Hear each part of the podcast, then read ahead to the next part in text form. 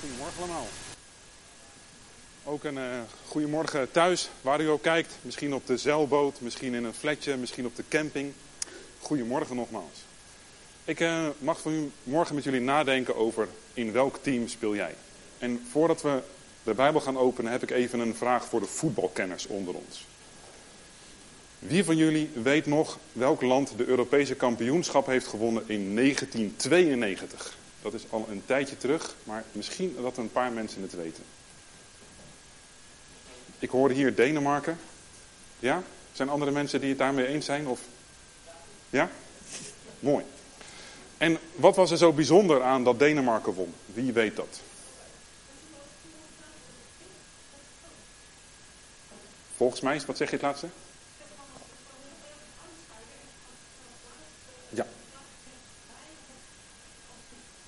Ja, dus een ander land, ja, een ander land kon niet meedoen, waardoor ze alsnog meedoen. Moesten ze terug van vakantie en alsnog spelen. Ze hadden amper geoefend. En toch wonnen ze de Europese kampioenschap. En wat was nou het geheim van Denemarken daarin, denk je? Er zijn meer mensen die daarover nagedacht hebben. En ik ben het eens met sommige voetbalkenners die zeggen dat ze hebben gewonnen omdat ze één ding heel zeker wisten. Willen we kunnen winnen van Engeland, Frankrijk, in die pool zaten ze. Willen ze uiteindelijk die finale winnen van Duitsland. Dan moesten ze één ding doen en dat is samenwerken. Ze wisten dat als ieder voor zich speelde op het voetbalveld, dat ze sowieso verloren hadden.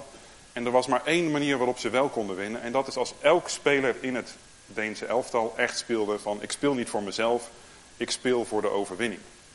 En met dat thema gaan we ook uh, nadenken vandaag. Hoe kunnen wij, in welk team speel jij? Speel jij in een team vol met mensen die voor zichzelf spelen? Of speel jij voor de kampioenschap? Daar gaan we over nadenken vanmorgen. En voordat we dat gaan doen, gaan we met elkaar lezen uit Lucas 9. Dus pak het er vast bij op je telefoon of op de fysieke Bijbel. Lucas 9 gaan we lezen zometeen vanaf vers 23 tot 25. En Lucas is een bijzonder Bijbelboek. Het is een van de weinige Bijbelboeken die zijn geschreven door een niet-Jood, door een heiden.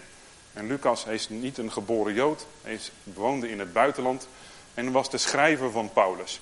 En zeer waarschijnlijk heeft hij Lucas geschreven toen Paulus twee jaar in de gevangenis zat aan Theophilus. Dat zie je ook eh, in de eerste versen, zie je dat. En Theophilus betekent vriend van God, of Godliefhebber, of Godvriend.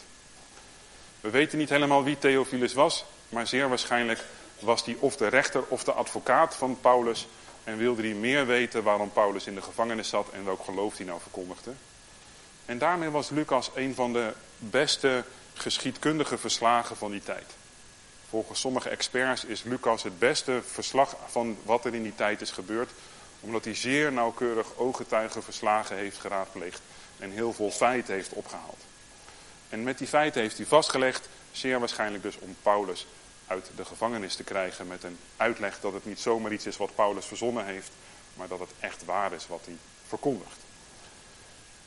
Dat stukje wat we gaan lezen uit Lucas 9, dat vindt plaats rondom dat uh, Jezus eigenlijk vraagt aan zijn discipelen, wie ben ik? Wie zeggen de mensen dat ik ben en wie zegt gij dat ik ben? En op dat moment getuigt Petrus, u bent de redder, u bent de verlosser van deze wereld, u bent de langbeloofde Messias. En daar gaan we lezen, Lucas 9, vanaf vers 23. Tegen allen zei hij, wie achter mij aan wil komen, moet zichzelf verloochenen en dagelijks zijn kruis op zich nemen en mij volgen. Want ieder die zijn leven wil behouden, zal het verliezen. Maar wie zijn leven verliest omwille van mij, zal het behouden. Wat heeft een mens eraan als hij heel de wereld wint, maar zichzelf verliest of schaadt? Dit vers dat intrigeert me al een tijdje. In de vorige preken heb ik ook met dit vers afgesloten. En ik vind het een heel bijzonder vers. Want wat, wat bedoelt Jezus hier nou? Is dat een soort van, ja, wat alleen maar Lucas heeft opgeschreven? Is het iets eenmaligs wat Jezus zegt? Ik heb een enorm verlangen om Jezus te volgen, om, om te groeien als discipel en, en meer van Hem te kennen en ja, Hem uit te dragen in de wereld om ons heen. En Jezus geeft hier eigenlijk een sleutel. Ieder die bij mij wil volgen, moet zijn kruis op zich nemen en zichzelf verloochenen. En ik ben gaan nadenken de afgelopen maanden van wat bedoelt Jezus daar nou mee? En het eerste wat ik mezelf heb, onder een van de dingen die ik mezelf heb gevraagd, is: is het toevallig dat alleen Lucas dit heeft opgeschreven, hè, wat ik al zei, omdat hij zo'n enorm geschiedkundige expert is? Of zijn er meer mensen die dit hebben? Zijn er meer evangeliën waar dit staat? En wat je ziet is dat bijna exact hetzelfde Bijbelvers staat ook in Matthäus en in Marcus. Dat kun je eenvoudig op googlen of met je Bijbelvertaling op doorklikken. Bijna exact hetzelfde vers staat in drie evangeliën. Dus door de Heilige Geest geïnspireerd, de evangeliën, ja, is dit toch een belangrijk vers. En niet zomaar even iets. Zou het dan zijn dat Jezus op dit enige moment het heeft over uh, kruis opnemen en hem volgen? Of heeft hij er vaker over gehad? Nou, precies weten we het niet. Maar wat we wel weten is dat Lucas er meerdere keren over schrijft. Onder andere in Lucas 14 schrijft hij dat ook. En ook op het moment dat de rijke jongeling bij Jezus komt, heeft Jezus het ook over je kruis opnemen. Voor de mensen die snel kunnen klikken of snel kunnen bladeren, springen we even naar Marcus 10, vers 21. En dat is het stukje van de rijke jongeling. En dan zegt Jezus tegen die rijke jongeling, als die, vraagt, als, als die rijke jongeling vraagt, hoe kan ik in de hemel komen? En dan zegt Jezus, één ding ontbreekt u. Ga heen, verkoop alles wat u hebt en geef het aan de armen. En u zult een schat hebben in de hemel. En kom dan, neem het kruis op en volg mij. Neem uw kruis op en volg mij. Dus ook hier heeft Jezus het over je kruis opnemen. Dus het is niet zomaar iets wat Jezus hier zegt, eenmalig. Hij heeft het vaker gezegd. En het is ook niet Lucas de enige evangelist die het verwoordt. Dus dat intrigeerde mij. Ik dacht, dus blijkbaar is het ja, toch wel een van de, niet zomaar even een bijvers, maar echt een thema waar Jezus het vaker over heeft gehad. En wat bedoelt hij dan met je kruis opnemen en, en jezelf verloochenen? Bedoelt hij dan dat wij ook ja, aan het kruis elke dag ons moeten, zelf moeten pijnigen? En, en ja, een soort van slaaf moeten zijn van, van, de, van de genade en met een soort bedroefd gezicht rondlopen, want ik heb pijn door Jezus? Natuurlijk niet. Toen uh, Maarten Luther, 31 oktober 15, weet iemand het uit zijn hoofd? Nee, ik heb het opgeschreven. 15, 17 zijn 96 stellingen uh, uh, aan de kerk hing. Weet u welke plaats dat was? Dat, uh, dat is handig als je voorganger Marco Wittenberg heet. Dan is het makkelijker om te onthouden aan welke plaats Maarten Luther de stellingen hing. En Maarten Luther zat toen in een crisis. Net daarvoor zat hij in een crisis. Hij was op blote knieën een of andere uh, trap opgelopen en, hij had zichzelf enorm pijn gedaan. Omdat hij ja, merkte dat hij heel zondig was en uit zichzelf niet... Ja, was hij heel erg bezig om door pijn te lijden een soort van zijn zonde weg te doen en, en schoongewassen te worden.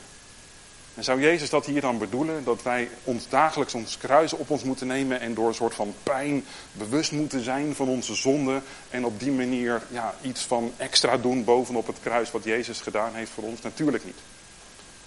Dus Jezus heeft het hier ook niet over dat wij zelf ja, moeten sterven voor onze zonde omdat we zo zondig zijn. Nee, dat is wat Jezus voor ons gedaan heeft. Dus wat bedoelt Jezus hier dan wel? Bedoelt hij dat we elke dag, ja, als we niet op een bepaald moment van de dag hebben gebeden en dat we dan ons behoud kwijtraken, omdat hij het dagelijks over heeft?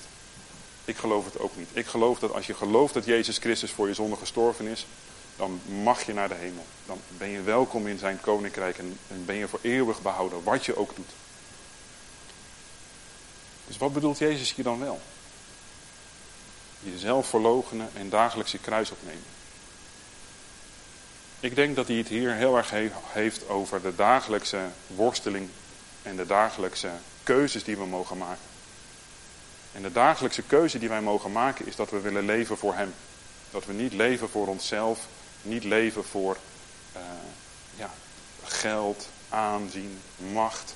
Of dat we onszelf verliezen in emotioneel emo-food, wat het dan heet, hè, of slechte tv-films kijken. Maar dat we mogen leven voor Hem. En waarom heeft Jezus dan over je kruis opnemen? Waarom zegt hij dan niet gewoon kies eh, elke dag het goede? Waarom heeft hij het over je kruis opnemen? Ik geloof heel erg sterk dat het echt een, heel vaak een keuze is tussen je oude ik en je nieuwe ik. Tussen je oude ik die vol is van voor jezelf leven, dat je zelf heel belangrijk vindt, dat het om jou, dat het de wereld om jou draait. Uh, heel erg dingen als uh, macht en aanzien en rijkdom. Maar wat Jezus hier zegt is dat we dagelijks moeten kiezen voor alles wat hij zelf ook in andere versen getuigt. Dat je vol van vriendelijkheid, geduld, gastvrijheid, maar ook wat hij zelf zegt in de bergreden. Dat je je naaste moet liefhebben. Dat je zelfs je vijanden moet liefhebben. Dat je keer op keer moet vergeven. Dat je moet bidden voor die baas die zo vervelend doet. Of die buurman die, waar je je aan irriteert. Of die klasgenoot die ontzettend irritant doet. Dagelijks je kruis opnemen wil zeggen dat je dagelijks kiest voor het goede.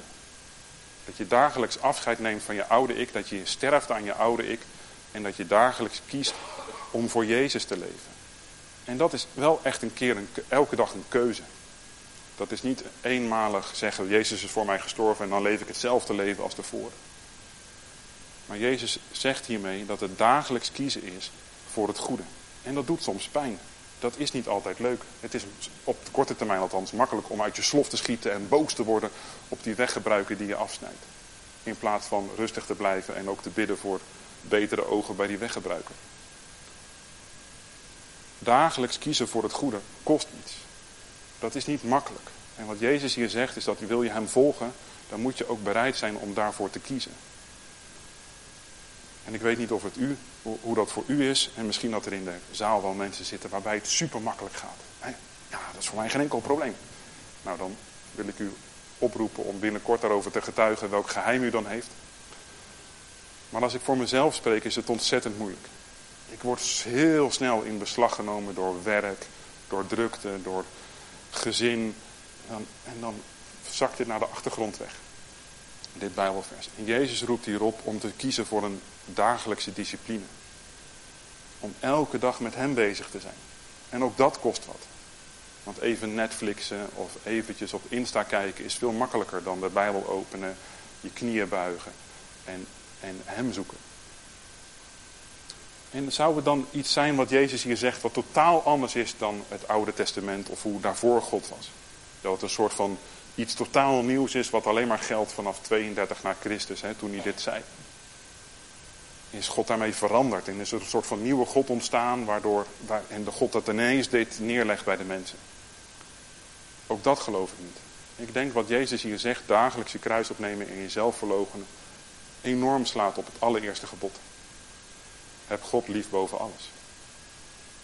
Heb God lief boven alles. Dat betekent dus niet uh, uh, besteed de meeste tijd aan God of, of vrees God het meest of, of wees bang voor zijn toorn het meest. Maar heb God lief boven alles. En daarmee denk ik dat er ook meteen een drijfveer genoemd is. Van welke drijfveer moet je nou dagelijks je kruis opnemen? Ja, dat moet omdat God het van me vraagt. Dan kom je vanmiddag, bij je, kom je vanmiddag een buurman tegen of na de vakantie kom je terug op je werk. En dan zeggen de mensen, wat is er met jou gebeurd? Je kijkt zo chagrijnig en, en teleurgesteld. Ja, ik ben aan het oefenen om dagelijks mijn kruis op te nemen en mezelf te verloochenen. En dan heel erg triest door het leven te gaan. Dat is ook niet wat Jezus vraagt. Ik denk dat Hij aan ons vraagt om ons elke dag te laten voeden door Zijn liefde. En dat de liefde de belangrijkste drijfveer is om dit te doen. En waarom dan? Omdat het leven waarbij je leeft voor jezelf, waarbij je leeft voor aanzien of macht, of jezelf helemaal verliest in zelfverwijt of, of enorm gefocust bent op je eigen tekortkomingen, dat is niet het leven wat Jezus voor je heeft. Dan ben je een verliezend team. De tegenstander wil dat we individualisten zijn die op zichzelf gekeerd zijn. Maar wil je het kampioenschap winnen, net zoals de Denen, dan moet je spelen niet voor jezelf, niet voor het eigen eer en eigen macht, maar dan moet je spelen voor het teambelang, voor het koninkrijkbelang. En dan win je niet de EK van Europees kampioenschap, maar dan win je de EK van het eeuwige kampioenschap. Want de uitkomst is al bekend. Het is al bekend welk team gaat winnen. Net zoals dat wij nu terug kunnen kijken en kunnen zien dat de Denen hebben gewonnen in 1992, kunnen we nu door de Bijbel lezen zien wie er straks gaat winnen. Dat is niet het team vol met individuen wat de wereld ons vertelt. Waarbij het draait om geld en macht en, en hoe je er uiterlijk eruit ziet. En altijd met een glimlach op Insta bereid bent om foto te laten nemen. Daar draait het niet om. En ook niet om de duivel probeert je ook te vertellen dat je heel erg zielig bent. Of dat, je moet, dat er vol met angsten zijn in de wereld. Of dat je er niet toe doet. Of dat je, die probeert je klein te maken. Maar dat team gaat niet winnen. Het team dat we nu al weten dat gaat winnen. We kunnen in de toekomst kijken. Is het team vol met mensen die zeggen ik leef niet voor mezelf. Ik speel niet voor mezelf. Ik speel voor het koninkrijkbelang. Ik speel zodat Jezus wordt verhoogd. Want Jezus is naar de hemel gegaan en hij heeft de Heilige Geest uitgestort. Zodat er miljoenen, miljarden mensen overal op de wereld zijn liefde uitdelen. Continu vriendelijkheid, goedheid, trouw, geduld, keer op keer vergeven, er eh, zijn voor de ander. Dat is wat Jezus aan ons vraagt. En hij roept ons op om zo te leven. En wat ik al zei, dat is niet makkelijk. Ik weet niet hoe het voor u afgaat, maar ik heb er soms ook. Dan moet het even op discipline. Even op discipline de Bijbel openen en uh, de telefoon wegleggen, want het is snel gepakt en eventjes het nieuws bekeken of op LinkedIn weer eventjes alles zien wat er, wat er speelt. En misschien dat u het wel ontzettend moeilijk vindt. Ik weet niet hoe u dat net dat vers heeft, eh, dat lied dat we net hebben gezongen. Jezus, alles geef ik u, al mijn hoop, al mijn tijd leg ik in vertrouwen bij u neer. Misschien dat u dat wel een van de moeilijkste eh, liederen vindt en had u gehoopt dat we hem niet zouden zingen. Maar Jezus zegt, dit is de weg die ik voor je heb. En hij doet dat uit liefde. Want een andere weg is namelijk de weg vol met ikgericht, vol met angst, vol met macht, aanzien, geld. Dat is niet de weg die Jezus voor ons van plan heeft. Zij zegt het hier uit liefde en hij roept ons op om dagelijks dat te zeggen. Heer, al mijn tijd, al mijn plannen, al mijn verlangens leg ik voor u neer. En wilt u het gebruiken tot eer van uw naam, zodat, uw, zodat Jezus wordt verhoogd, dat u wordt verhoogd. En dat is niet altijd makkelijk. Maar laat die liefde doordringen. Laat het op liefde zijn. Want het is God liefhebben boven alles. We gaan zo meteen ook zingen, houd vol. we mogen er ook voor elkaar zijn. Dus bel elkaar op als je het moeilijk vindt. En Jezus is voor ons en naast ons en om ons heen.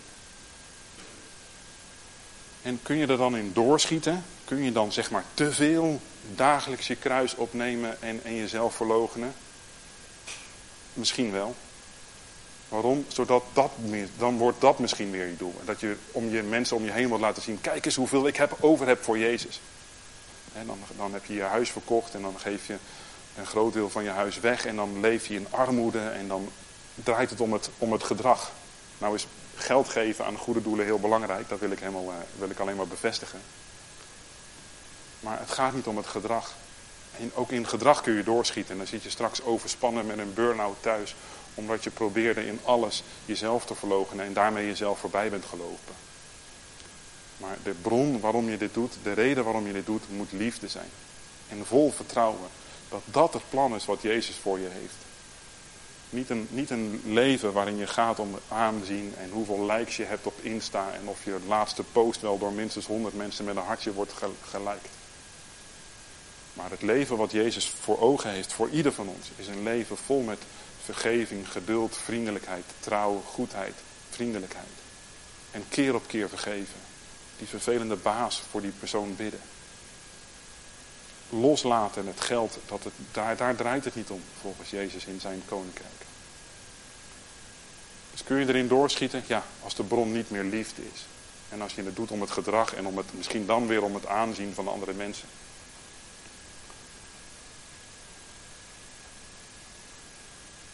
Zoek Gods liefde.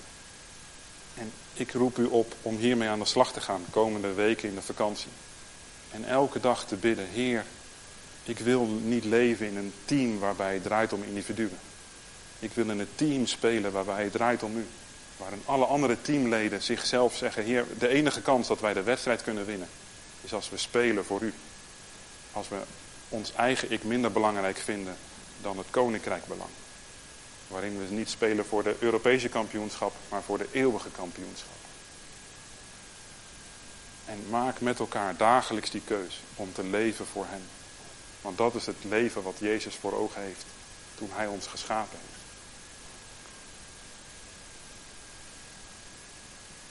Ik wil met elkaar afsluiten door een Bijbelvers te lezen uit Efeze 4.